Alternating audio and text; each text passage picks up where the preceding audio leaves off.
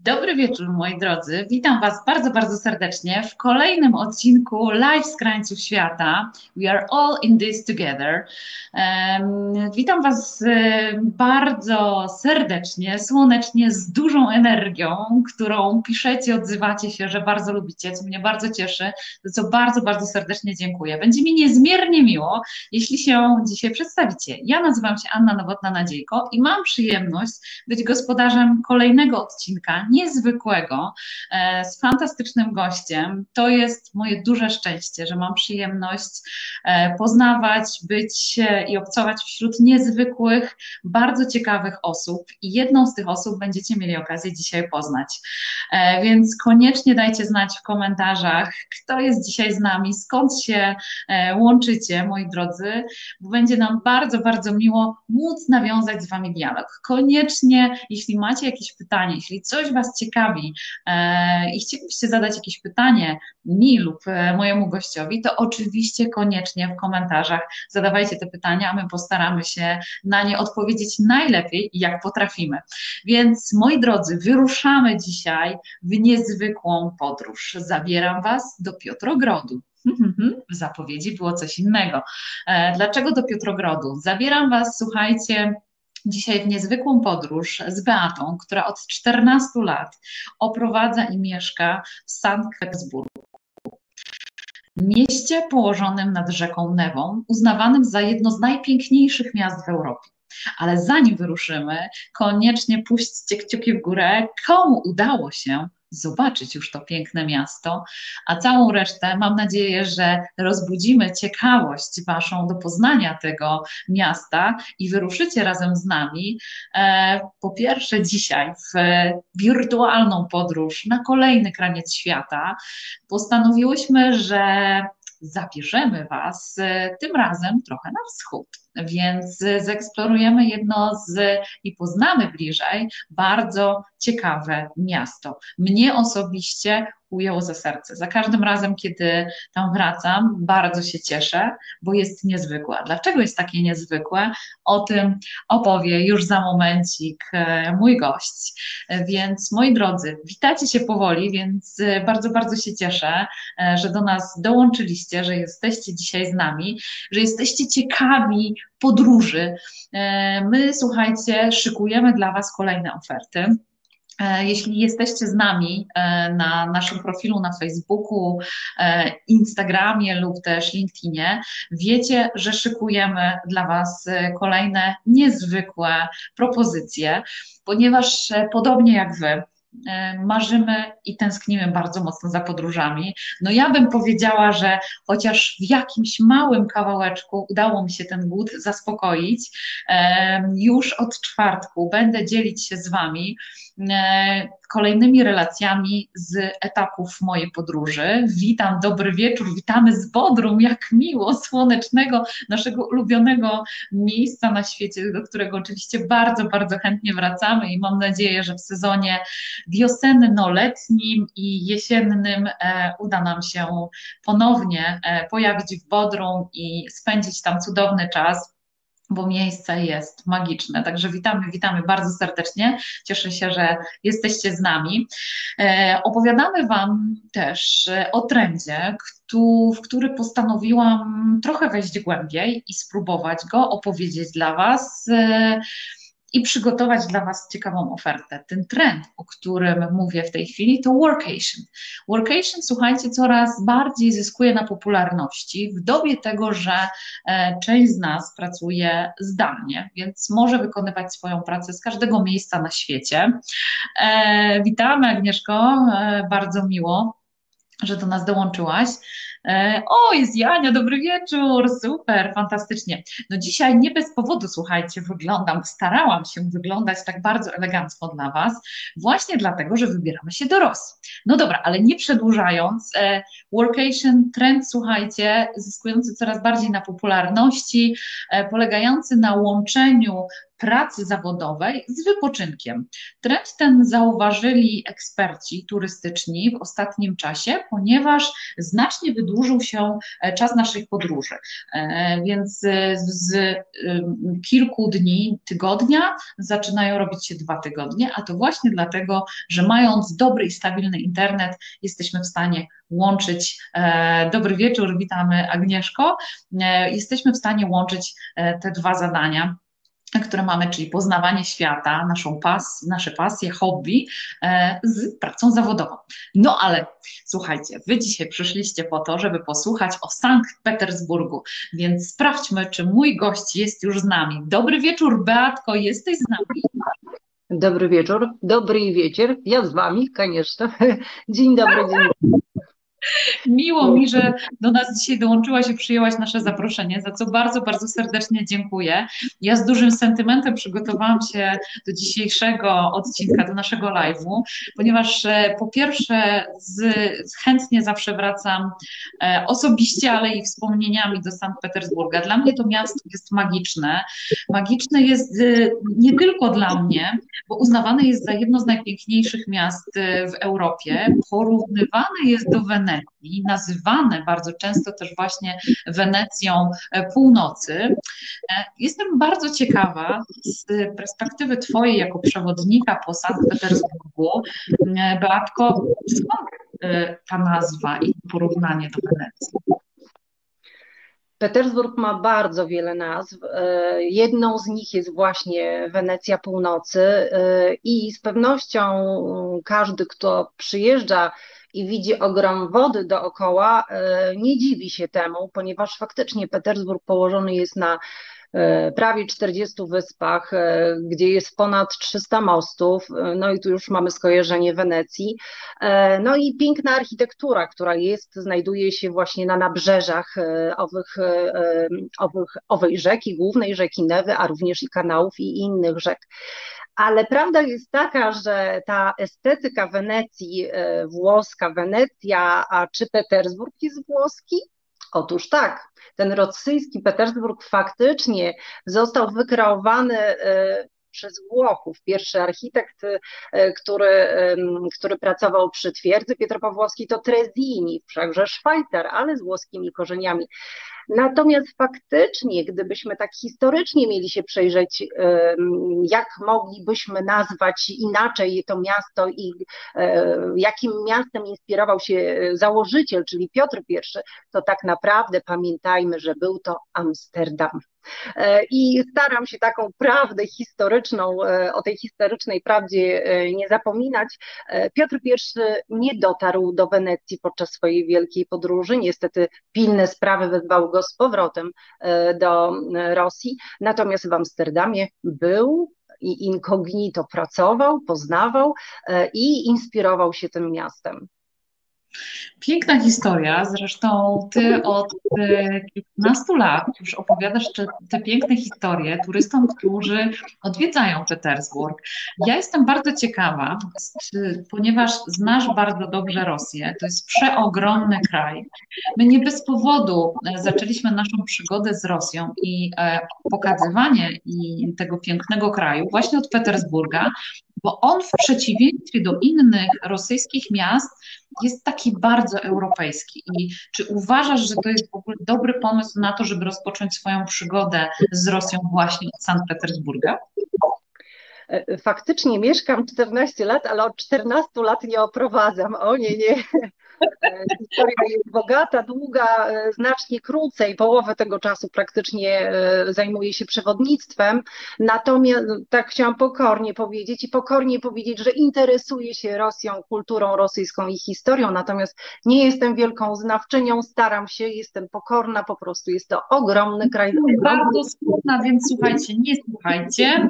Trzeba dużo, dużo się jeszcze i uczyć i bardzo dobrze, bo to jest wyzwanie, ale faktycznie, mm, czy to jest dobry pomysł? Zależy kto co lubi i czego oczekuje, e, mhm. ponieważ e, absolutnie Petersburg jest rosyjskim miastem. Natomiast kiedy przyjedziemy, zobaczymy, posłuchamy o tym mieście, no to mamy wrażenie, że nijak się to ma jednak do tego, co jest poza Petersburgiem. I faktycznie troszeczkę tak jest. To znowu zamierzenie tego wspomnianego przeze mnie Piotra I uczynić Rosję i to nowe miasto takim właśnie proeuropejskim, co mu się świetnie udało. I faktycznie ten duch kosmopolityzmu jest obecny, dlatego przyjeżdżając tam i widząc architekturę stworzoną przez Włochów, spacerując po, po, po głównej ulicy, czyli po Newskim Prospekcie, słyszymy wszystkie języki świata. Cudzoziemców zawsze tam było bardzo dużo i to wszystko ma wpływ na charakter Petersburga, specyficzny charakter Petersburga. Jest takim niezależnym miastem, Boże, chciałabym mi się porównać do, do Gdańska, takiego właśnie niezależnego państwa tutaj. Bardzo, bardzo bliskiego twojemu sercu skądinąd, tak, prawda? Coś takiego jest chyba coś, co łączy te miasta i za to je lubię. Właśnie otwartość, taka geograficzna otwartość i e, tym samym otwartość i samych Petersburżan i ludzi, którzy tam przyjeżdżają. Zresztą to jest bardzo ciekawe, bo e, kimże jest Petersburżanin? E, to nie jest koniecznie ten, który z pokolenia na pokolenie mieszka w Petersburgu, ale to jest człowiek, który przyjeżdża, zakochuje się, mieszka i faktycznie czuje, że to miasto jest jego miastem.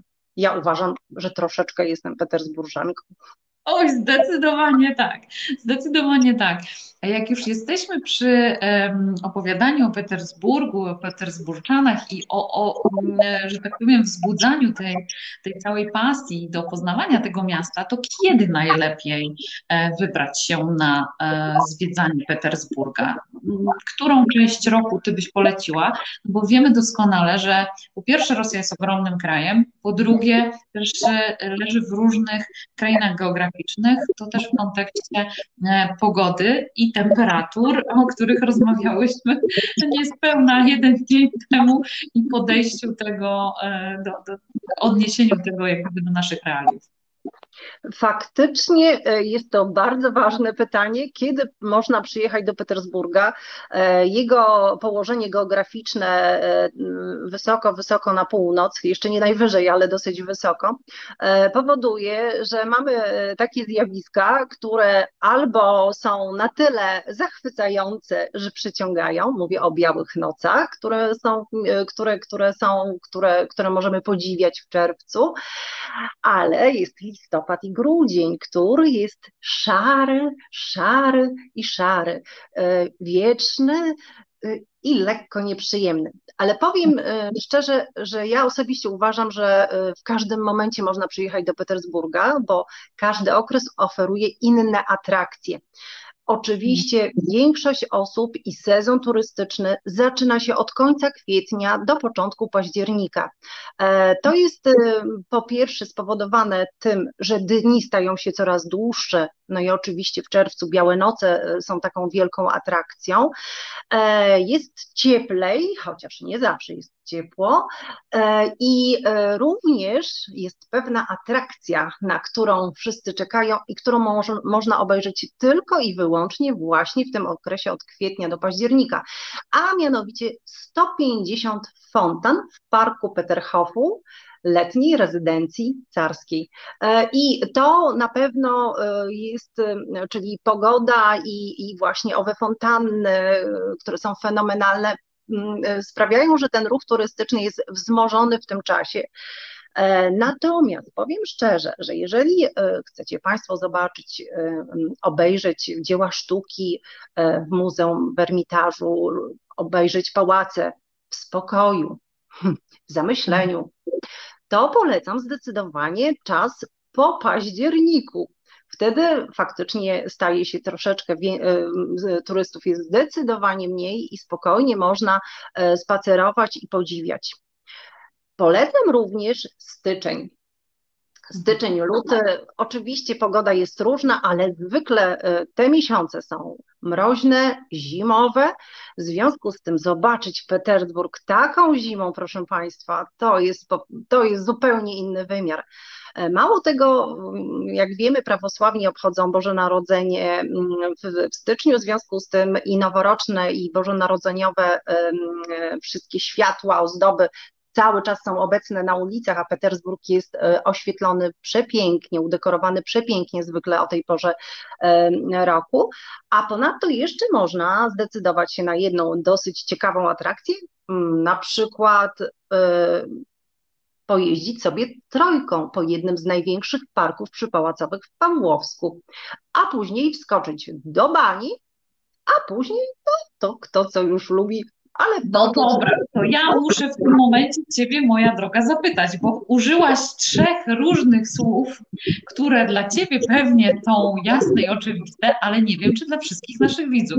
Więc co to za atrakcja, o której wspomniałaś przed chwilą? Zacznijmy od trojki. Na pewno kojarzycie um, takie rysunki, obrazy, trzy konie zaprzężone, w, e, znaczy sanie zaprzężone trzy konie i to jest właśnie owa trojka, czyli taka sanna kulik rosyjski. E, to jest pierwsza rzecz. Druga, chyba wspomniałam, bania, E, czyli tłumacząc, chociaż Rosjanie używają i słowa sauna, i słowa bania e, zamiennie, ale bania to taka właśnie rosyjska sauna. No a co po? No to słowiańska dusza bardzo dobrze rozumie, jak się dobrze bawić w takie właśnie zimowe wieczory. Fantastycznie, bardzo Ci za to dziękuję. Pewnie te osoby, które były, to potrafią odpowiedzieć na to pytanie, natomiast dla tych, którzy jeszcze nie mieli okazji poznać bliżej Rosji, a przede wszystkim dwóch miast, które no chyba wśród nas, naszych rodaków są najbardziej znane, czyli Moskwa i Sankt Petersburg. Wiem, że to pytanie i odpowiedź na nie nie jest taka oczywista, ale mm, wielu z nas zastanawia się, czym te miasta się różnią i w jaki sposób Petersburg na tle tego porównania mm, gdzieś tam jest inny. Powiedziałabyś nam coś a propos tych dwóch miast, bo zadałam Ci pytanie już tak troszeczkę na początek właśnie. E, ono jest, e, ja wiem, e, takie nie, niezbyt oczywiste do odpowiedzi w kontekście tego, czy najpierw Moskwa, czy najpierw Petersburg. Miasta są z mojej perspektywy, osoby, która je widziała wielokrotnie, zupełnie różne. Można znaleźć pewne podobieństwa między nimi, no ale właśnie perspektywy przewodnika, osoby, która mieszka tam już tak bardzo długo, to jak, jak Petersburg wyróżnia się w kontekście porównania do, do Moskwy? Co byś mogła o tych dwóch miastach powiedzieć? Z perspektywy przewodnika po Petersburgu. tak zażartowałam oczywiście. Absolutnie trzeba zobaczyć i Moskwę, i Petersburg. To są faktycznie dwa różne miasta. Moskwa, stolica, ogromna stolica, która też ma swoją bogatą historię. No i Petersburg. Petersburg, stolica kulturalna Rosji, Palmira Północy. E, I faktycznie e, była stolica Rosji, tak, podkreślam, była stolica Rosji za carów, za Romanowych, za czasów Romanowych, gdzie e, przez e, od 1712 roku, kiedy stała się stolicą, do 1917 roku szły duże pieniądze, żeby to miasto było piękne, ogromne, zachwycające a Moskwa w tym czasie nie za bardzo się rozwijała. Natomiast historia e, Rosja, e, Kreml ma tą historię wcześniejszą i tą historię obecną. W związku z tym jest taka wyrwa historyczna i kulturalna, można powiedzieć, e, która powoduje, że, że Petersburg często w oczach turystów wygrywa. Ja faktycznie robię takie porównanie, pewnie coś jest na rzeczy Warszawa, Kraków i Moskwa, Petersburg. Mniej więcej coś takiego jest, nawet pomiędzy Mosk Moskwiczanami a Petersburżanami są takie właśnie, przygryzają sobie nawzajem od języka, poczynając, jakie to są słowa w Moskwie, a jakie to słowa są w Petersburgu. Nie będę się rozwijała, bo to jest też prześmieszna historia moi znajomi, którzy przyjeżdżają z Moskwy, no i co ty nam, Beata, o tym Petersburgu powiesz? Oczywiście zadziornie mnie zaczepiają, a Petersburżanie spokojnie są pewni siebie i dowartościowani swojego, e, swojego pięknego miasta, kultury e, i historii. E, dlatego jest uzasadnienie, dlaczego tak to wygląda, a nie inaczej. Ja nawet poz, po, pozwalam sobie na taki, nie wiem, to nie jest żart, no ale mówię, Jeżdżą pociągi z Petersburga do Moskwy. Można wsiąść w 3,5 godziny sapsanem, szybko dojechać do Moskwy, wysiada się w centrum, pospacerować 4, 5, 6 godzin i z powrotem wieczorem jest pociąg do Petersburga.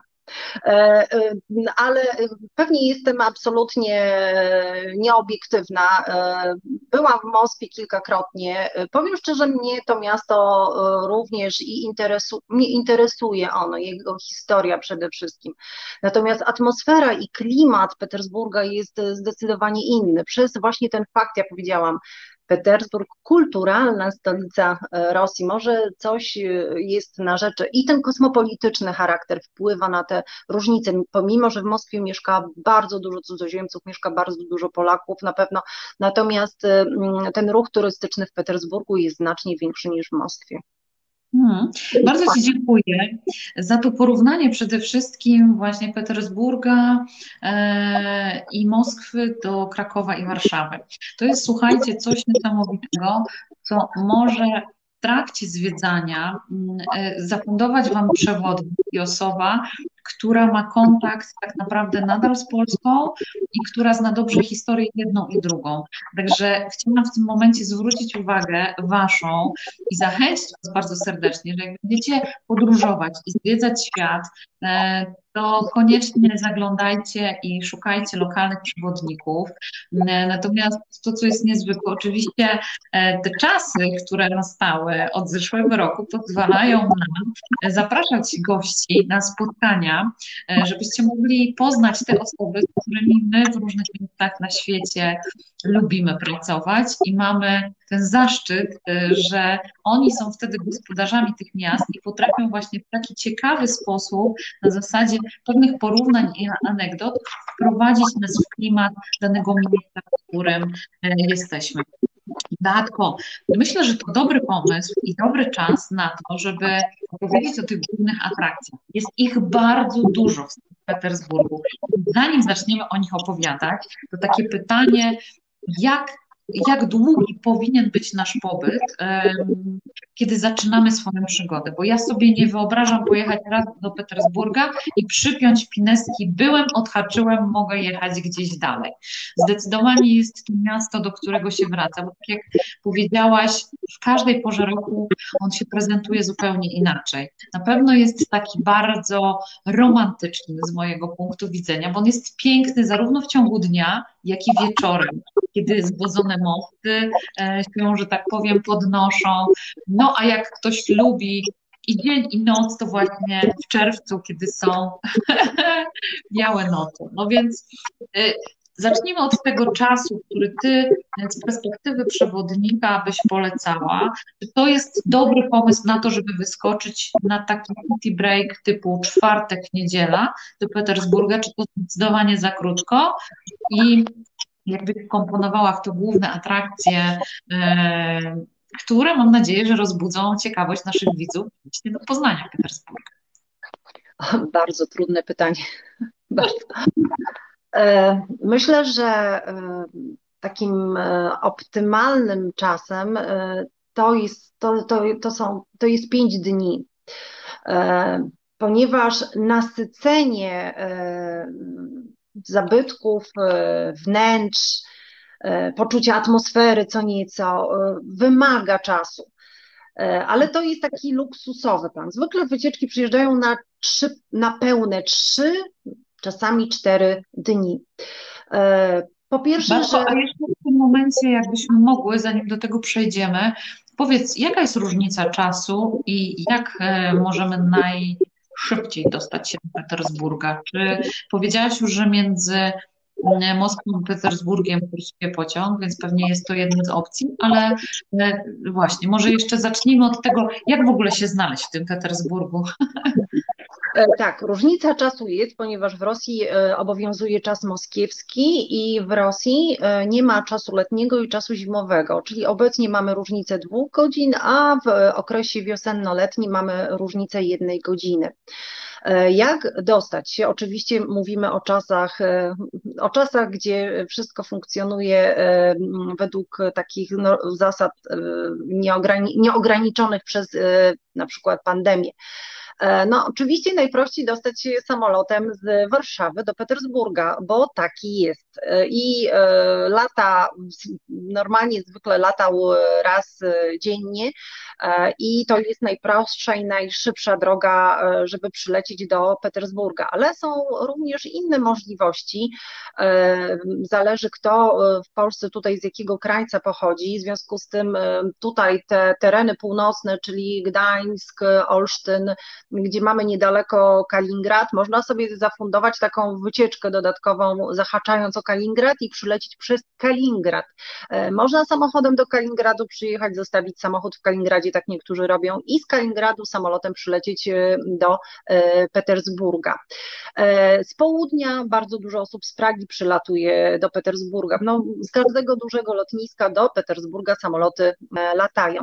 Natomiast jeszcze można przy, teraz to nie wiem jak będzie, ale był również i pociąg do Petersburga, który tyle, że e, jechał przez Białoruś i trzeba było zawsze pamiętać o tym, żeby mieć wizę białoruską.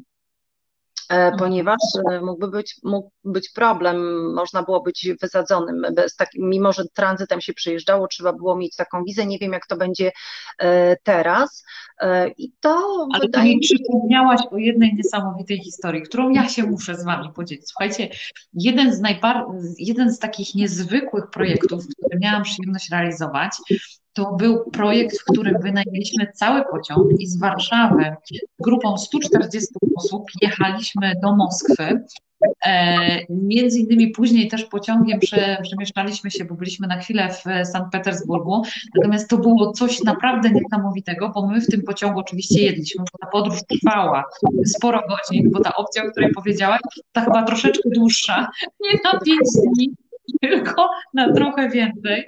Więc podróż pociągiem oczywiście e, też jest cudowna. No, wielu, dla wielu osób Rosja e, i pociąg to kolej transsyberyjska i możliwość przeżycia w ogóle niezwykłej przygody e, w trakcie takiej podróży i poznania fantastycznych osób. Ale dobrze, wracając do tego wątku, ale musiałam się z Wami podzielić, bo to był naprawdę fajny projekt.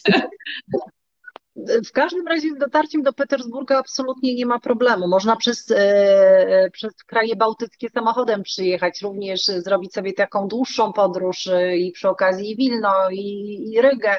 E, różne, ale powiem szczerze, że również do Petersburga przypływają i to nie tylko, i także Polacy promem, ponieważ e, w Petersburgu jest bardzo duży e, port promowy, zresztą i rzeczny, i morski, 300 promów w sezonie przypływa, ogromnych.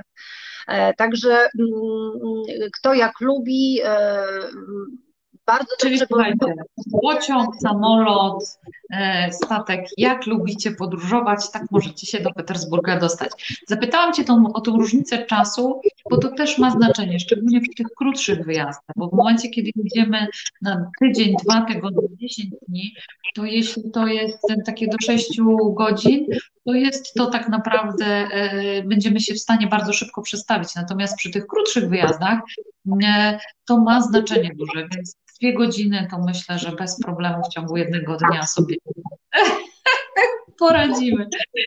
Można szybciutko naprawdę, także nie, nie, nie, nie ma, e, różnicy czasu nie ma praktycznie, no tylko tyle, że odczuwamy to, jak jesteśmy gdzieś za granicą, a tak po przyjeździe e, nie ma sprawy, a zwłaszcza, że pozytywnie, bo jak przyjeżdżamy, to zyskujemy godzinę, jak wyjeżdżamy, to już pal licho. No więc dobrze, to w takim razie jesteśmy te pięć dni lub krócej. Jakie e, atrakcje warto by było, żebyśmy w trakcie naszego programu sobie zaprojektowali, zaplanowali? E, warto cały dzień poświęcić na mm, taką wycieczkę po, po Sankt Petersburgu, dlatego że faktycznie to miasto to jest muzeum pod otwartym niebem. E, Petersburg e, jest znany z tego, że mm, jest zespołem, składa się z zespołów architektonicznych, bardzo spójnych i harmonijnych. W związku z tym faktycznie podjeżdżamy pod takie miejsca, które z zewnątrz już są dla nas pewną ciekawostką ciekawostką i arcydziełami sztuki. E, I e, ponieważ to są odległości dosyć duże, bo Petersburg jest młodym miastem, w związku z tym nie ma takiej ciasnej zabudowy, a wręcz z rozmachem był budowany na różnych wyspach, to są wszędzie odległości.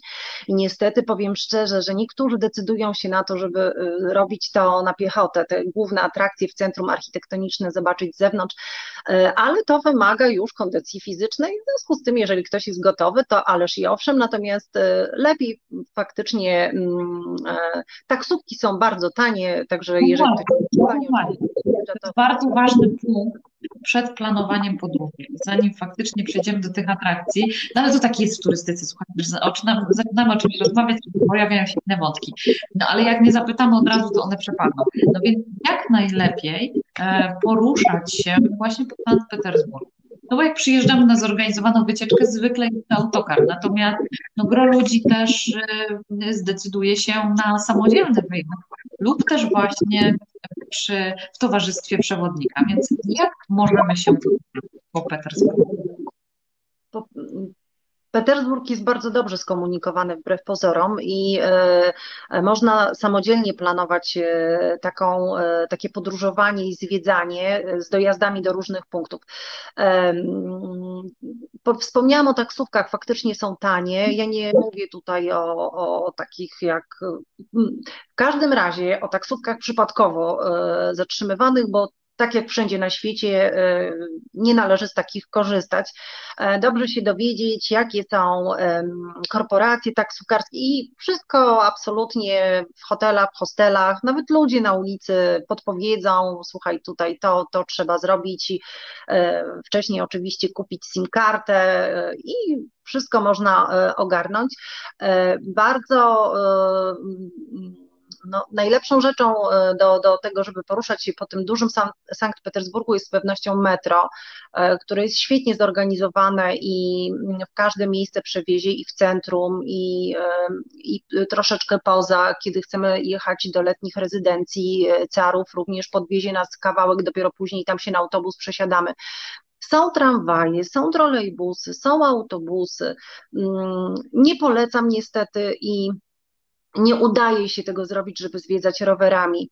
E, nie ma ścieżek rowerowych, znaczy niby są te ścieżki rowerowe, to są wytyczone fragmenty jezdni, po prostu wąskie paski, ale nie widzę, żeby było dużo chętnych na tego typu e, zwiedzanie. Może być trochę niebezpiecznie, ale może przesadzam, może się zmieni.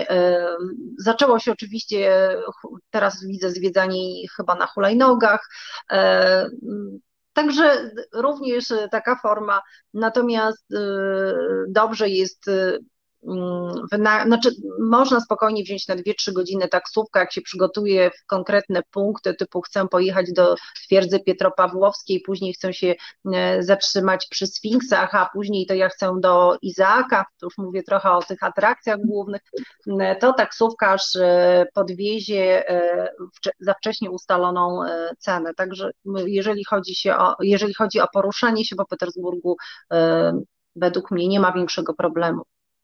No a jest jeszcze zwykle pytanie, bo wspomniałaś o metrze, wspomniałaś o taksówkach. Czy Petersburg jest uważany i możemy się czuć bezpiecznie w tym mieście? Czy są jakieś pewne rzeczy i zasady, które warto by było, żebyśmy wiedzieli przed e, wybraniem się i zaplanowaniem e, podróży po Sankt Petersburgu? Oczywiście poza tym standardowym, że jest to duże miasto, że jest to miasto turystyczne e, i jak w każdym mieście po prostu trzeba być ostrożnym.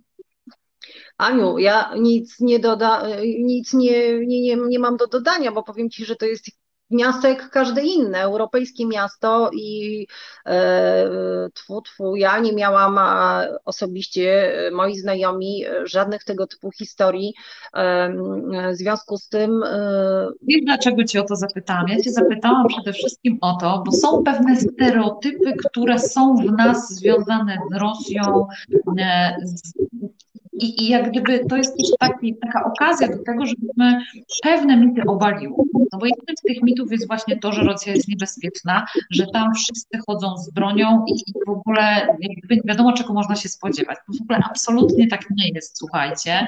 Ani razu e, mi się nie przydarzyły żadne historie. Natomiast, no nie wiem, mieszkając nawet w Poznaniu są pewne dzielnice, które po zmroku po prostu warto omijać i podobnie jest, e, myślę, w każdym innym dużym mieście więc to jest ten dlatego Cię o to zapytałam, tak trochę odprowokowanie. Ja, ja rozumiem, e, tak, wiele osób przyjeżdża e, i jest zaniepokojonych, pytają się Pani Beata, czy my możemy chodzić sami, e, czy nam się nic nie stanie.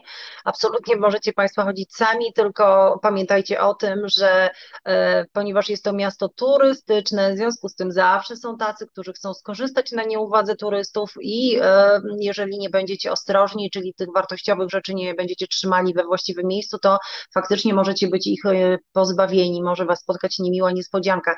Natomiast faktycznie, no lata, gdybyśmy przyjeżdżali w latach 90.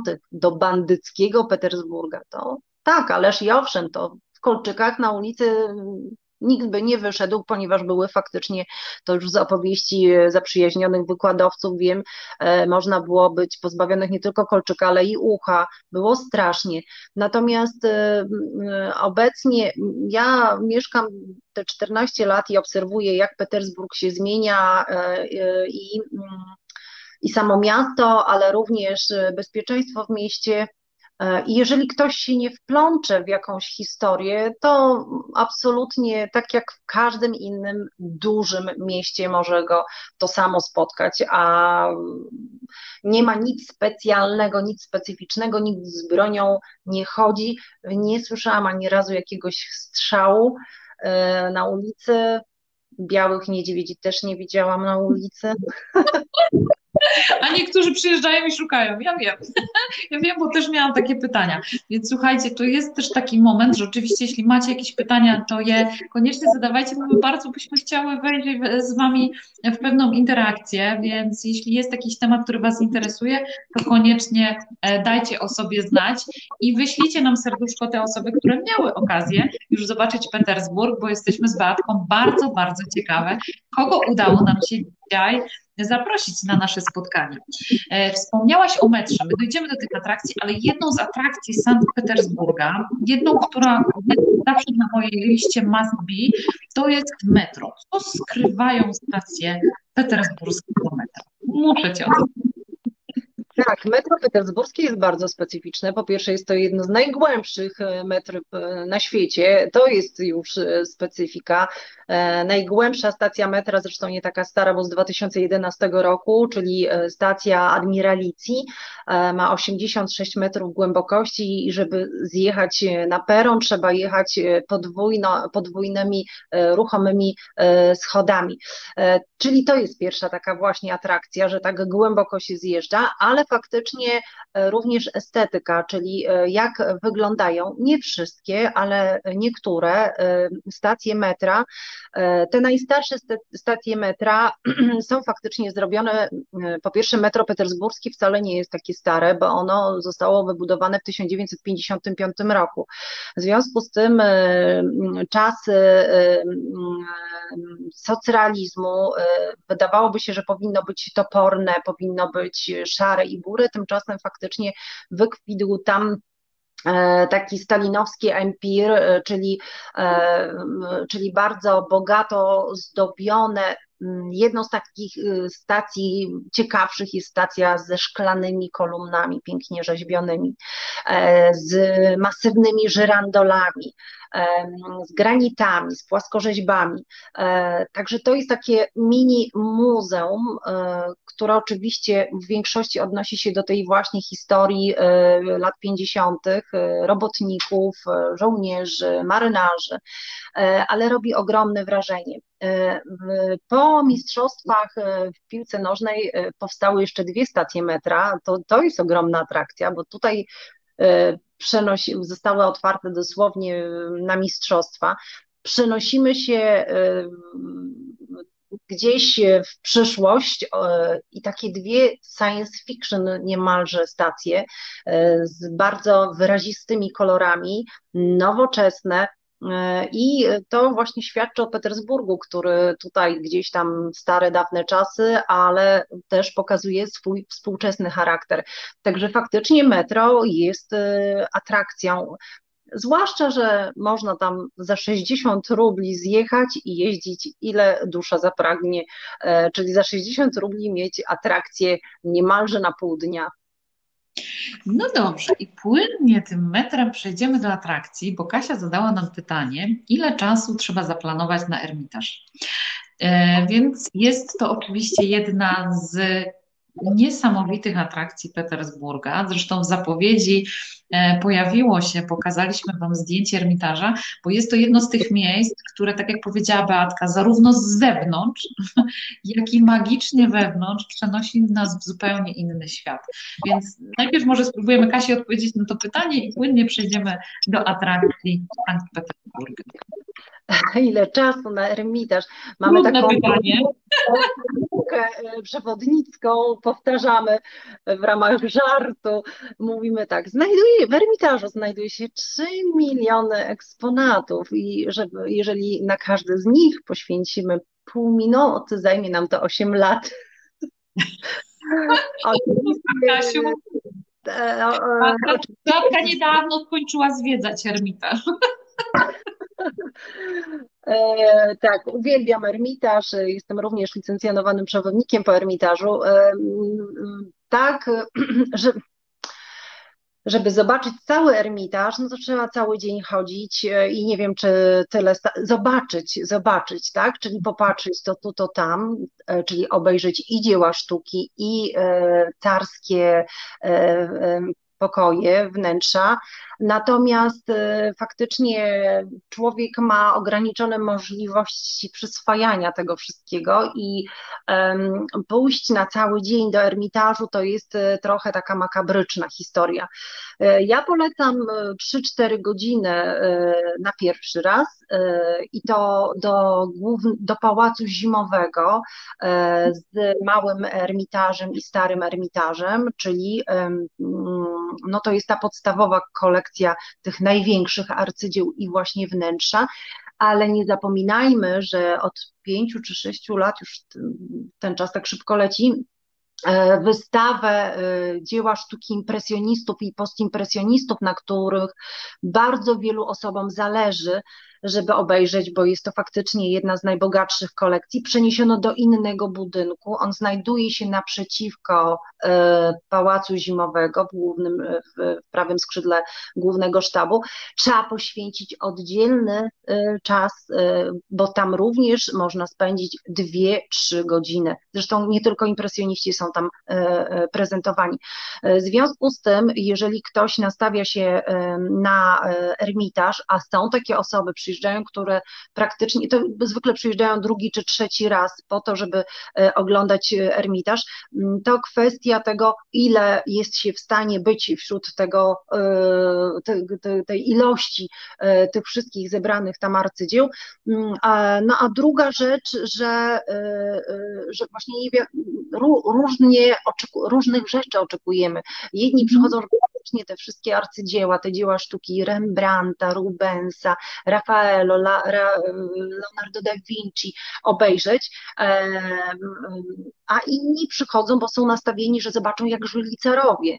Także zależy, kto no, ma. Panowie, to fajne wątki poruszasz, Batko, bo warto się e, przemyśleć sobie, zanim zaplanujemy, bo tak jak powiedziałaś, mm, tyle tysięcy dzieł, no nie jesteśmy w stanie w jednym momencie, że tak powiem, wszystkie wchłonąć. Ale fajny wątek też wrzuciła Asia, którą bardzo, bardzo serdecznie e, pozdrawiamy. E, zapytała, czy jesteś w stanie polecić e, książki, które warto przeczytać, które wprowadzą w klimat. Na pewno masz jakieś swoje ulubione, więc dziękuję Asiu bardzo serdecznie za to pytanie. Wrócimy? Wrócimy do pytania? Jest bardzo dużo. Tak, tak, spokojnie, spokojnie. I mm, nawet ostatnio w księgarniach pojawiła się kolejna książka e, o Sankt Petersburgu. E, nie ma zbyt wielu e, przewodników, niestety, nie wiem, kuleje coś rynek, w związku z tym. Ale będzie niedługo, prawda? Mam nadzieję, że uda mi się właśnie zapełnić tą lukę. Natomiast jeżeli chodzi o, mm, o, o historię Sankt Petersburga, Większość, większość z książek jest, dotyczy jakby czy poszczególnych carów, czy poszczególnych wydarzeń, e, jest beletrystyka historyczna. E, natomiast e, trudno po polsku właśnie nie przychodzą mi takie książki, żeby o Sankt Petersburgu móc przeczytać. Powiem szczerze, właśnie oprócz tej jednej, która autora nie pamiętam, ale to nawet nie jest Rosjanin. Ja mam pomysł, Beatko. Ja mam taki pomysł że może w komentarzu do dzisiejszego live'a obiecujemy e, wrzucić jakąś informację, e, bo słuchajcie, no to czasami jest tak, że przychodzi jakieś pytanie i, i potrzebujemy chwili tak, żeby odpowiedzieć na nie w punkt, więc e, może spróbujemy do tego pytania jeszcze wrócić, jeśli się coś nam pojawi, a jeśli nie, to może poszukamy czegoś ciekawego. Asia poruszyła w ogóle bardzo fajny wątek, dlatego że dobrze wcześniej zrobić sobie pewne przygotowanie. W momencie, kiedy jedzie się na zorganizowany wyjazd, to albo taką rolę pełni pilot wyjazdu e, i, i zwykle też oczywiście towarzyszy lokalny przewodnik, więc to nasze zadanie polega na wprowadzeniu w ten klimat. Natomiast Asia wiem, że jest jedną z tych osób, które uwielbiają organizować sobie podróże samemu. I w związku z tym te osoby. E, fajnie, jeśli chociażby właśnie przez przeczytanie książki, która wprowadzi w pewne czasy, w pewien rys historyczny, e, wtedy poruszając się po mieście, czy wyobrażając sobie podróż w tym mieście, e, właśnie potrafią się troszeczkę inaczej poruszać. Ja się zastanawiam, bo my cały czas do tych atrakcji próbujemy przejść, czy to dobry moment, Beatko, na to, żebyś zadała pytanie konkursowe, bo my już od jakiegoś czasu mamy przygotowaną nagrodę, którą bardzo bardzo chciałabym komuś wysłać. Jest początek roku, e, a my wydaliśmy swój własny kalendarz, którym staramy się inspirować Was do podróży, bo wiemy, jakie one są dla Was ważne. Więc Beatko, zadasz pytanie konkursowe, a ja wyślę nagrodę zwycięzcy, który poprawnie na nie odpowie. Już, już, już, zastanawiam się. Czy y, nazwa miasta y, wiąże się z postacią Piotra I? Dobrze, więc kochani, czy nazwa miasta wiąże się z postacią Piotra I? Więc koniecznie dawajcie znać, a my wracamy do tych atrakcji. E, powiedziałyśmy już o metrze, powiedziałyśmy już o Ermitażu e, całkiem sporo. Ty jesteś też przewodnikiem po jeszcze innym magicznym muzeum, o które ja Cię bardzo chciałam zapytać, a związane jest z takim romantycznym prezentem? Aha. Jest to jedno z prywatnych muzeów, szczerze mówiąc, e, które e, istnieje od niedawna, od 2013 roku, e, które prezentuje takie rzeczy, które najbardziej interesują panie. Faberże, po rosyjsku jajca. Czasami zdarza mi się tak powiedzieć. Jajka Faberże są bardzo znane e, na świecie. One są znane dlatego, że są piękne, że są bogato zdobione. E, ale jaka była ich historia i co my możemy w tym Muzeum Faberże obejrzeć? Otóż w tym Muzeum Faberże możemy zobaczyć między innymi pierwsze jajko Faberże, które zostało wykonane dla mm, matki ostatniego cara, a mianowicie dla Marii Fiodorowny, na zamówienie jej cudownego męża, Aleksandra III, na Wielkanoc, jako prezent wielkanocny. E, to jajko e, złota kurka e, wygląda bardzo niepozornie takie emaliowane jajko, takie, taka skorupka, która bardzo realistycznie wygląda, e, ta emalia, a w środku złota kureczka, a złota kureczka ma jeszcze rubinowe oczka, no i to wszystko takie po prostu jest i malutkie i piękne. E, te moje zdrobnienia nie wyglądają, nie wynikają z faktu, że tak lubię, ale faktycznie tak to wygląda. E, w Muzeum Faberże znajduje się dziewięć e, cesarskich e, jajek Faberże wykonanych dla Marii Fiodorowny, którą wspomniałam, a potem dla ostatniej carycy, a mianowicie Aleksandry Fiodorowny. I te jajka są historia, jak one się tam znalazły i kto je przywiózł, a podkreślę, że jest to prywatne muzeum, czyli e, e, to nie, nie jest własność państwa. To jest ciekawa historia, czyli nie tylko ich uroda, ale również to, jak one się tam pojawiły. W sumie tych jajek było 52. Część z nich znajduje się w mm, wielkiej zbrojowni w Moskwie, można obejrzeć. Część znajduje się w rękach e, prywatnych, e, a założyciel fundacji, dzięki której powstało muzeum, e, udało mu się kupić, oczywiście to nie było tak, że on dostał te jajka, e, do, e, e, kupić dziewięć jajek, które możemy o, oglądać w Muzeum Faberże. Trzeba zaznaczyć jeszcze, że muzeum znajduje się w pałacu, w wyremontowanym pałacu, także to jest dodatkowa atrakcja. I w tym, że muzeum znajdują się również inne arcydzieła Faberże, nie, nie, tylko jego samego, ale oczywiście e, i jego e, uczniów, jego fabryki. E, muzeum bardzo cenne, ciekawe i wartościowe, a, a jajka naprawdę są przepiękne, e, bardzo misternie wykonane. Jeszcze może wspomnę o takim jednym jajku, to było jajko dla Aleksandry Fiodorowny. E, ono jest takie charakterystyczne, może Państwo gdzieś je widzieliście, ponieważ jest żółte z kratką, to jest e, z, z taką złoconą kratką z diamentami, a w środku tego jajka znajduje się miniaturowa kareta. Kareta, która ma wszystkie części ruchome, tak że gdybyśmy konia tam takiego miniaturowego również oczywiście zaprzęgli, to kareta mogłaby ruszyć. Ma e, wszystko to, co trzeba. E, także taka i precyzja, e, i bogactwo, bo oczywiście w większości diamenty, rubiny w, w tych jajkach się znajdują. No i również znajduje się jedno z ostatnich jajek, które otrzymała Maria Fiodorowna, tak, ponieważ Mikołaj, ostatni car, kiedy umarł jego ojciec, musiał już obdarowywać nie tylko e, swoją żonę, ale również zawsze pamiętać o swojej matce. W związku z tym te jajka później były produkowane e, dwa, a nie produkowane, tak mówię technicznie, wyrabiane, o, ładnie mi zabrzmi, wyrabiane dwa, a nie e, tylko jedna. Ja zawsze tam do tego muzeum również oprowadzam, po tym muzeum jestem również licencjonowanym przewodnikiem i z chęcią tam chodzę i wracam, błąkam się po salonach, e, szukam byłych właścicieli pałacu, e, przy okazji opowiadając właśnie o tych cudach. A powiedz mi, czy to prawda, że e, w Petersburgu można zobaczyć bursztynową komnatę? Petersburgu nie, ale w Carskim Siole tak. W Carskim Siole można zobaczyć bursztynową komnatę, proszę Państwa, tak, tak.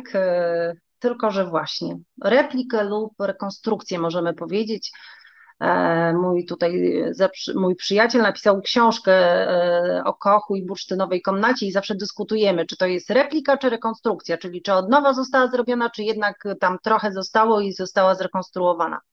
Ale przede wszystkim to, co najważniejsze, jest faktycznie z bursztynu i jest zrobiona, chociaż był to duży trud, dlatego że zdjęcia były czarno-białe, e, postarano się odtworzyć i kolorystykę, no ale przede wszystkim powtórzyć piękne rzeźbienia w bursztynie, e, które e, miały miejsce. Faktycznie historia bursztynowej komnaty, która zaczyna się na początku XVIII wieku e, w Prusach. Fryderyk I postana, zleca e, stworzenie jej, gdańscy bursztynicy zresztą ją wykonują. I bursztynowa komnata raptem, nieoczekiwanie, a może i oczekiwanie, zostaje podarowana Piotrowi I. I e, panele bursztynowej komnaty przypływają do Petersburga, ale Piotr I oczywiście przede wszystkim miał na głowie wojny, statki, flota, i dopiero jego e, córka Elżbieta I postanawia je wykorzystać i prosi swojego ulubionego architekta Rastrilliego, żeby zainstalował je, żeby wykorzystał je w pałacu w Carskim Siole, w Katarzyńskim Pałacu.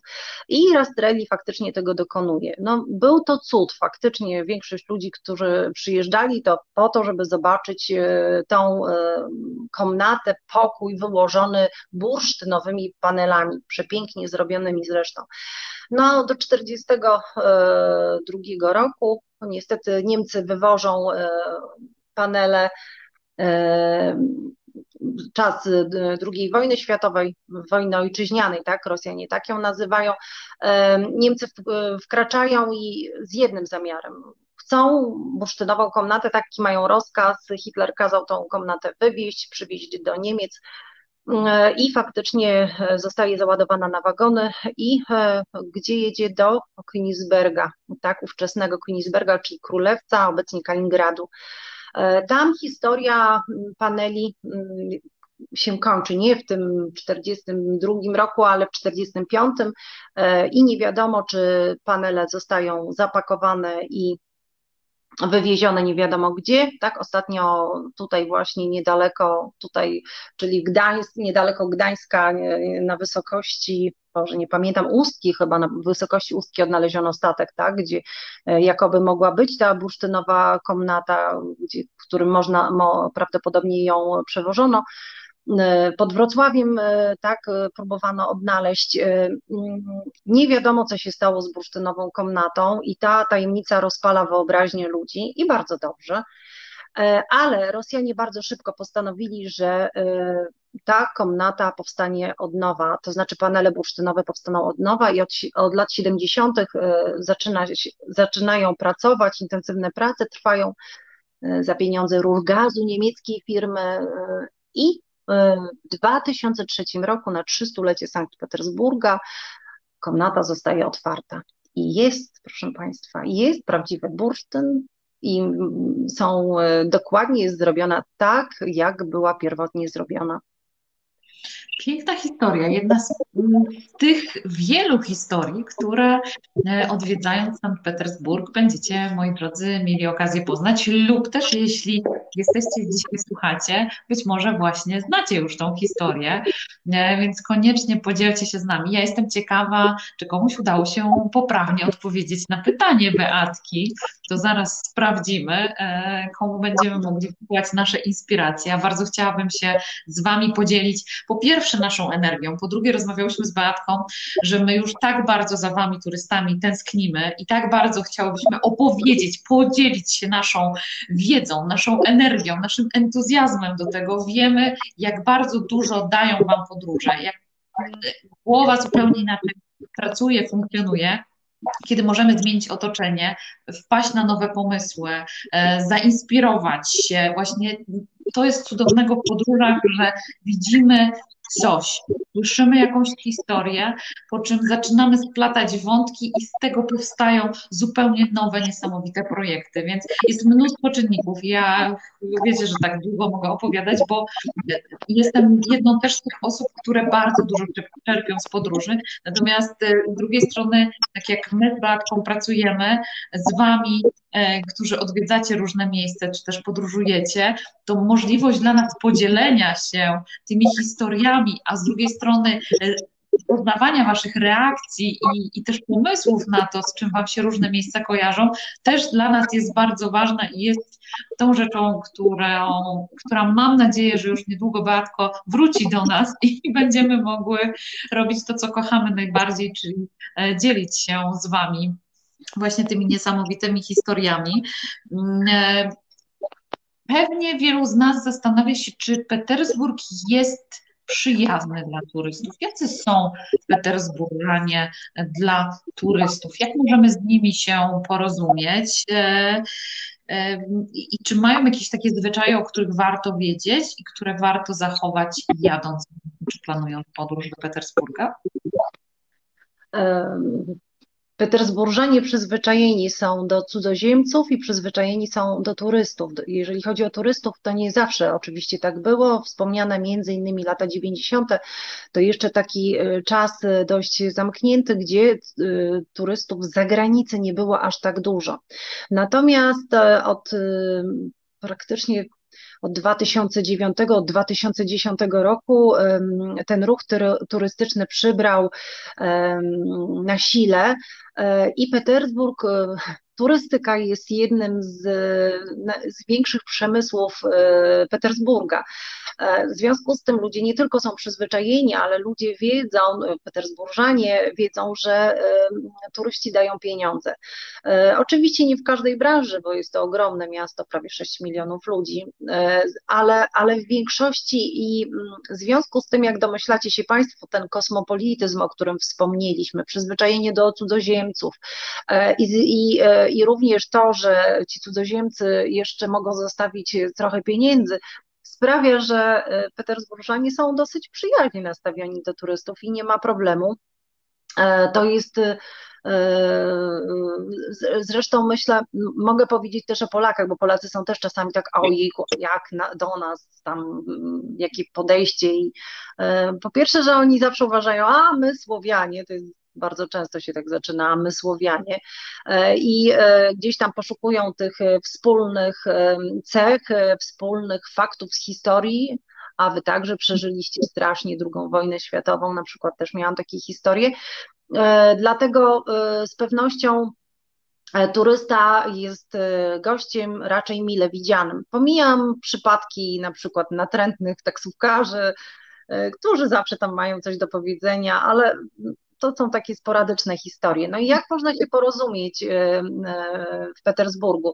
E, w wielu miejscach takich turystycznych miejscach oczywiście Rosjanie mówią po angielsku dosyć dobrze i nie ma problemu, czy w hotelach, czy w restauracjach, czy w muzeach można się po angielsku spokojnie do, dogadać ale czasami jak już jest taki duży problem, a z tym rosyjskim mm, nie mieliśmy do czynienia, ja mówię, proszę Państwa, próbujcie mówić po polsku, próbujcie mówić po polsku, coś w końcu z tego wyjdzie. I e, kiedyś taki pan przyjechał, mówi, no wie pan, nie mogę się nigdzie po angielsku dogadać. Ja mówię, to po polsku pan mówi, po polsku. Oczywiście nie jest to takie łatwe i proste, e, ale mamy tyle słów podobnych e, i gestykulacji sprawia, że, że możemy w ten sposób się e, porozumieć. No ale języki są i inne obecne i mm, w Petersburgu bardzo popularny jest niemiecki, i francuski. E, zresztą były, są szkoły, moje córki osobiście chodziły do szkoły z rozszerzonym francuskim, e, szkoły z angielskim. No właśnie niemiecki jest bardzo popularny, ale to też jest pozostałość historyczna, bo e, te grupy tam mieszkały. Także nie ma się co tym martwić. Myślę, że łatwiej się dogadać. O, no, wyraźnie, słuchajcie, zawsze działa. Tak, w Rosji się, fakt, że są takie słowa, e, gdzie, gdzie, gdzie mogą e, wydawać nam się, że one znaczą to samo, a one znaczą co innego zupełnie, chociaż i są obecne i w jednym, i w drugim języku, ale to są takie przypadkowe rzeczy. E, natomiast nie, tutaj nie ma problemu. Mm, po prostu albo rosyjski, albo angielski, albo polski. E, no dobrze, a teraz już wiemy, jak się porozumiewać, jak się poruszać.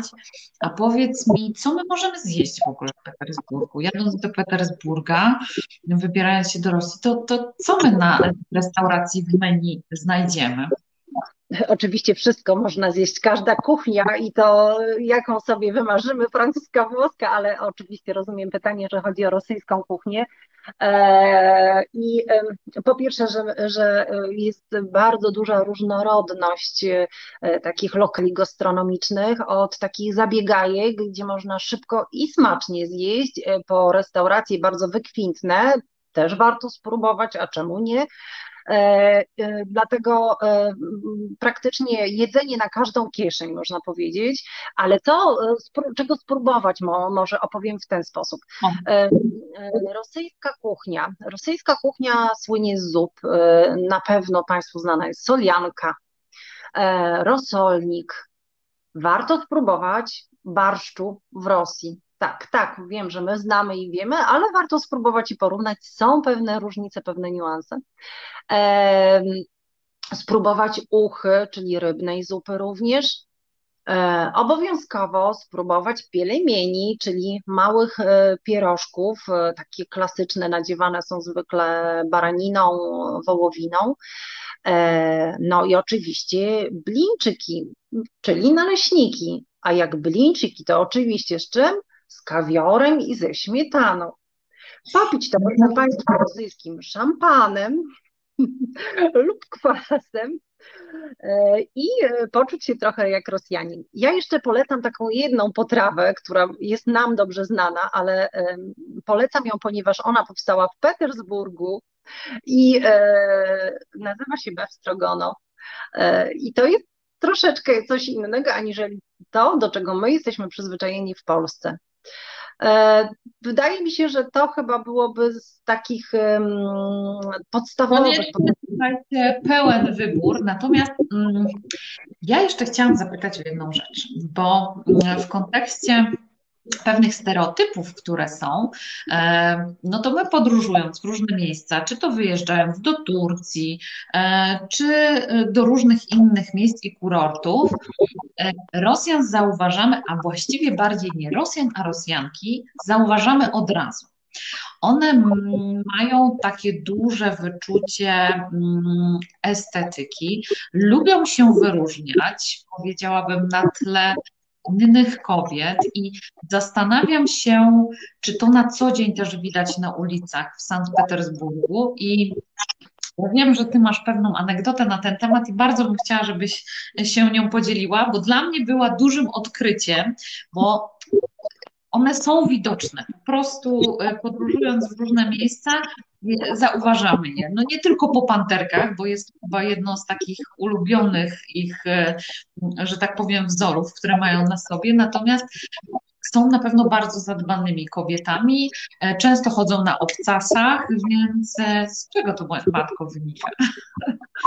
Tak, faktycznie y, jest to zauważalne i, i, kiedy spotykamy i od razu możemy, o, chyba z Rosji, albo w samej Rosji y, także, y, dziewczyny, kobiety mm, chcą się bardzo wyróżnić i czasami jest to faktycznie makijaż nieadekwatny do sytuacji na przykład, czy ilość biżuterii to jest zwłaszcza panie w kasach, które siedzą e, z sygnetami, z pierścionkami ogromnymi złotymi na palcach.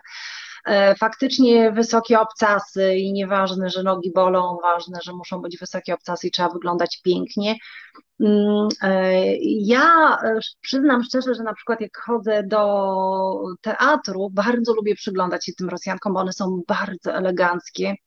Faktycznie jakby przyszły na jakieś wielkie przyjęcie i bal, ale jest to miłe dla oka, może trochę dziwne dla nas, bo, e, bo raczej staramy się aż tak wyraziście nie ubierać. Natomiast faktycznie ja zawsze staram się zrozumieć, z czego to wynika, że, że, że taka jest sytuacja i po pierwsze, e, proszę Państwa, e, mężczyzn w Rosji jest mniej niż kobiet zdecydowanie. To jest e, na, gdzieś tam mówię, sprzed jakiegoś trzech czy czterech lat, może cztery czy pięć kobiet przypada na jednego mężczyznę. W związku z tym no, trzeba się postarać, żeby zwrócić na siebie uwagę. Tych mężczyzn nie ma, ponieważ wieczne wojny, wiecznie gdzieś tam giną, ginęli, a już ci, co zostają, no to są też tacy troszeczkę hmm, często pod skrzydłami mamy e, długo i często. E, dlatego e, Petersburżanki no muszą, e, jak Petersburżanki, Rosjanki w ogóle zwrócić uwagę. A druga rzecz to pamiętajmy, że Rosja jest kulturą wschodu, w związku z tym ilość, czy właśnie taka błyszcząca biżuteria, złota biżuteria, no takie cechy charakterystyczne tej strojności dla wschodu. Ale faktycznie tak jest, natomiast się zmienia w Petersburgu aż tak dużo my tego nie zobaczymy bo, e, bo dziewczyny, młode dziewczyny zwłaszcza są e, absolutnie bardzo proeuropejskie, proeuropejskie. E, Rosjanie bardzo dużo podróżują i przynajmniej ja poznałam całe mnóstwo kobiet i dziewczyn, które nie starają się właśnie być takie, takie wyraziste i kolorowe. Mhm, Okej. Okay.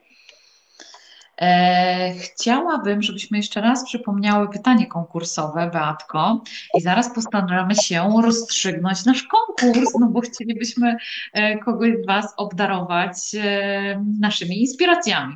Więc Beatko, kochana, przypomnij jeszcze raz proszę pytanie, a zaraz sprawdzimy, jakie padły odpowiedzi. Czy nazwa miasta związana jest z Piotrem I? No dobrze, sprawdźmy. Magda... Zamknięte pytanie było, ale... Magda pisze tak. Mm, czy mamy jeszcze jakieś odpowiedzi? E, Gabriela pisze, że tak. Janina pisze tak, wiąże się z Piotrem I. Proszę, dokładnie. Klaudia pisze, tak wiąże się z carem Piotrem I Wielkim w Sankt Petersburgu. Zmarł car Piotr I Wielki w 1720 1995 roku. Brawo, dodatkowa informacja. Sankt Petersburg powstał w 1703 roku z rozkazu Piotra I, kiedy rozpoczęto budowę twierdzy Piotra. Kasia pisze, tak, jest związana. Sporo tych odpowiedzi, za co bardzo, bardzo serdecznie Wam dziękuję. Bartko, nie wiem, co Ty myślisz, ale ja jestem pod wrażeniem tych dwóch odpowiedzi, które dostałyśmy. One są z pewnym rysem jeszcze historycznym, więc nie była, nie wiem, jak to było w kolejności oczywiście udzielanych przez Was odpowiedzi, ale wydaje mi się, że, że, że Klaudii należy się, że tak powiem, taki promyczek, y, że tak powiem, uznania pewnego z naszej strony. Co myślisz, kochana? Myślę, że tak, dlatego że ona, y, y, można było odpowiedzieć na różne sposoby tak naprawdę, y, czy jest związana nazwa, czy nie jest związana, ale podała fakt założenia przez Piotra I i to jest istotne. Natomiast tak naprawdę to było trochę podchwytliwe pytanie. Nazwa wiąże się z Piotrem I, a o tyle, o ile to on nadał tą nazwę. Natomiast sama nazwa to miasto świętego Piotra, czyli absolutnie Petersburg, e, sama nazwa nie pochodzi od Piotra, dlatego Klaudia wybrnęła bardzo inteligentnie. Myślę, że wygrała. Super, cieszymy się bardzo serdecznie, że, że Klaudia jest z nami. Ja mam jeszcze na koniec, jeśli pozwolisz, takie pytanie, bo lubię je zadawać, bo ono jest takie w sumie dość ciekawe, a bardzo często pada ze strony turystów. Co na pamiątkę przywieźć sobie z Sankt Petersburga? Hmm. Sankt Petersburga. Piękny album o Petersburgu. No i fantastycznie. I ta odpowiedź mi się bardzo podoba. E, oczywiście można też taki album wykonać samodzielnie. Jeśli już zobaczycie sobie te atrakcje, My powiedziałyśmy oczywiście o części tylko atrakcji, no ale musiałybyśmy mieć jeszcze pewnie z dodatkową godzinę, żeby o tym powiedzieć. Chyba, że na koniec, Beatko, powiesz takie chociaż Ja tylko powiem, oczywiście nie należy zapominać o przepięknych cerkwiach, które są w Petersburgu. Przecież o nich nie wspomniałam. O cerkwi świętego Izaaka, o cerkwi Zmartwychwstania Pańskiego, taka kolorowa, piękna cerkiew, która jest cała w mozaice. E, to jest po pierwsze e, przepłynąć obowiązkowo po Newie, po, przepłynąć po, po, po rzekach, po innych e, kanałach. Ale poza tym jeszcze nie w samym Petersburgu, ale dosłownie niedaleko, 30 kilometrów od Petersburga są letnie rezydencje. Wspomniałam o Peterhofie. O carskim siole, ale jest jeszcze Pawłowsk, jest jeszcze Gatczyna, jest jeszcze Oranienbaum i jest jeszcze niedaleko, to już dla panów taka atrakcja, Kronstadt, wyspa, na której była, mm, wyspa, która była twierdzą, a do niedawna jeszcze była wyspą e, militarną, na którą nie mogliśmy e, wchodzić, a teraz wszystko jest dostępne, a wyspa ta była mm, e, budowana, konstruowana już od czasów Piotra I z wszelkimi fortyfikacjami, portami, możemy zobaczyć armaty, możemy zobaczyć okręty wojenne i współczesne rosyjskie i jeszcze, jeszcze wiele innych rzeczy. W związku z tym e, te rezydencje letnie, te pałace, o jeszcze pałac Jusupowych e, w Petersburgu obowiązkowo, najbogatszych e, Rosjan, pałac, w którym dokonano zamachu na Rasputina, niedaleko tegoż pałacu zabito Rasputina. Także mm, atrakcji jest y, bardzo dużo. To jest historia od 1703 roku, od, od roku, kiedy Petersburg został um, zbudowany. I nie zapominajmy jeszcze oczywiście o takich bardzo dramatycznych chwilach, które zostały upamiętnione w Petersburgu, e, jak rewolucja październikowa i blokada Leningradu, która miała miejsce w czasach wojny ojczyźnianej. E, historia Petersburga to, Petersburg w ogóle jest takim kotłem, w którym cały czas buzuje, cały czas coś się dzieje, zmienia. Obecnie też możemy obserwować e, protesty związane z, z, z tym, co się dzieje w, w, Rosji. E, w związku z tym gwarantuję Państwu, że pewnie za rok, jakbyście przyjechali, to znowu coś nowego, jeszcze coś innego będzie. Także to nie tylko historia, ale i współczesny wymiar tego miasta. Świetne koncerty, balet, Maryjski Teatr, obowiązkowo na dziadka do orzechów trzeba przyjść i obejrzeć. E, także proszę Państwa, e, oczywiście ja tutaj, Ania by mnie nie powstrzymała, jakbym zaczęła zaraz opowiadać, ale e, jest co oglądać i nie jest to na pewno, jeżeli się Państwu spodoba wizyta jednorazowa, że na pewno trzeba przyjechać do Petersburga kilka razy. A jeszcze na koniec chciałam powiedzieć, że miejmy nadzieję, że te czasy pandemii jak najszybciej się skończą, bo to, że się skończą to na pewno, to Rosja wprowadza wizy elektroniczne, e, które e, dotychczas można było tylko do Kaliningradu, e, później do Petersburga przez krótki okres jeszcze, a teraz rozszerzono to na całą Rosję, czyli ułatwiony sposób załatwiania spraw wizowych. Pozwoli na to, że Państwo z pewnością będziecie mogli przylecieć że, że nie będzie tyle komplikacji w sprawie przyjazdu.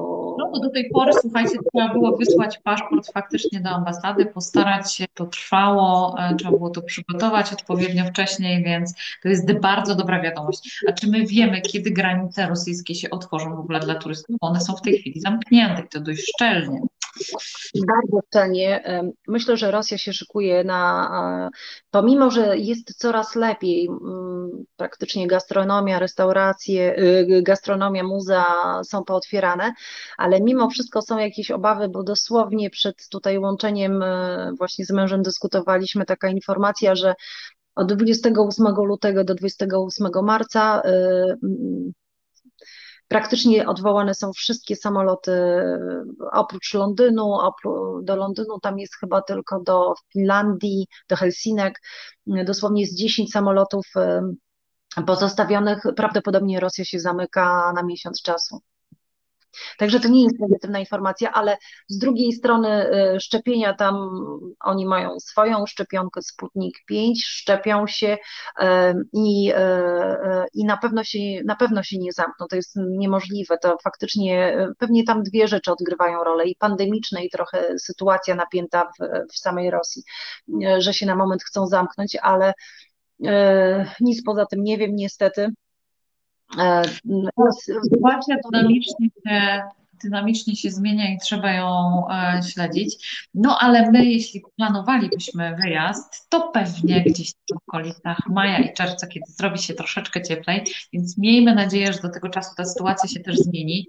E, ja obiecuję, zresztą co piątek wysyłamy Wam takie travel newsy, w których piszemy o tych wszystkich informacjach, które dzieją się na świecie. Dobra wiadomość w kontekście podróżowania, słuchajcie, od zeszłego tygodnia jest taka, że mając negatywny wynik testu mm, e, wykonany 48 godzin przed powrotem, jesteście e, lądując w Polsce zwolnieni z kwarantanny. To jest taka informacja, którą udało się wywalczyć branży turystycznej.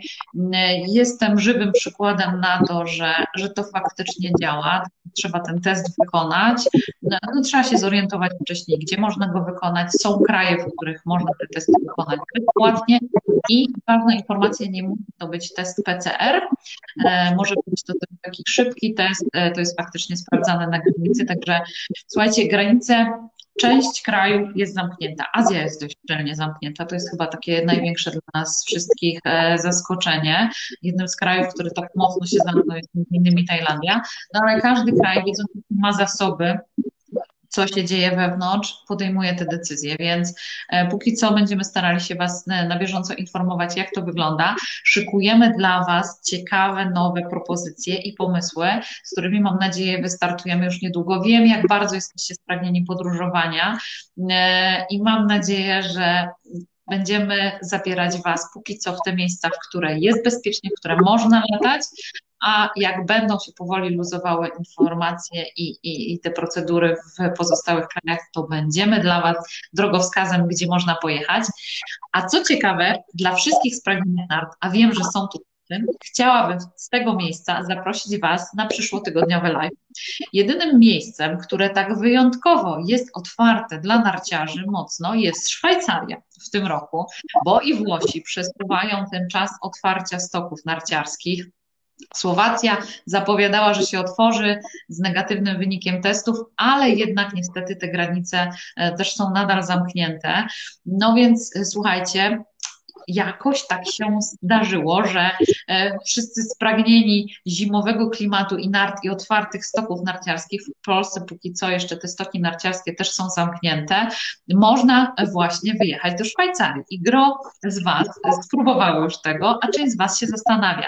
Więc dla tych wszystkich, którzy mają wątpliwości, jak to jest w tej Szwajcarii, gdzie tam pojechać, jak szukać noclegu, ile ten nocleg kosztuje, czy to jest faktycznie tak bardzo drogo, jak mówi się o Szwajcarii, tego wszystkiego będziecie mogli się dowiedzieć naszego przyszłotygodniowego live'u, na którego Was bardzo, bardzo serdecznie już z tego miejsca zapraszam. Beatko, pięknie dziękuję Ci za te wszystkie informacje. Ja wiem, że powinnam dać nam więcej zdecydowanie czasu na rozmowę, żebyśmy mogły sobie o każdym z tych miejsc tak porozmawiać, jak chociażby zaczęłyśmy mówić o Ermitażu, bo tych miejsc e, w Petersburgu do zobaczenia jest naprawdę bardzo dużo. Natomiast mam nadzieję, słuchajcie, że chociaż tą krótką rozmową z Matką udało nam się pokazać Wam i odpowiedzieć na pytanie, dlaczego warto zaplanować wyjazd do Petersburga, czego sobie i Tobie, Matko, w najbliższym czasie życzę, żebyśmy mogły się spotkać, pójść na przepyszną kawę, spróbować kawioru i przespacerować się czy to Peterhofem, czy Carskim Ciołem, czy chociażby korytarzami Ermitażu, poznając te przepiękne dzieła sztuki, którymi są zarówno budynki, jak i też zgromadzone dzieła. Zresztą ty za sobą chyba też masz jedno, e, jeden z przepięknych obrazów, który przenosi nas e, właśnie do przepięknego Petersburga. Absolutnie, Sankt Petersburg. Bardzo dziękuję za tą rozmowę. To dla mnie również e, taka okazja, żeby znów móc się podzielić tym Petersburgiem z innymi. E, bardzo mi tego brakuje, przyznam szczerze, bardzo, bardzo. E, próbuję faktycznie przenieść to na papier, ale nie ukrywam, że uwielbiam żywy kontakt z ludźmi i już czekam tego momentu. Także bardzo dziękuję Aniu za rozmowę, za to, za, za propozycję, za zaproszenie Państwu wszystkim za uwagę, za za wysłuchanie e, i zapraszam bardzo serdecznie do Sankt Petersburga. Dziękujemy kochani, pozdrawiamy Was bardzo serdecznie. Trzymajcie się ciepło i do zobaczenia za tydzień.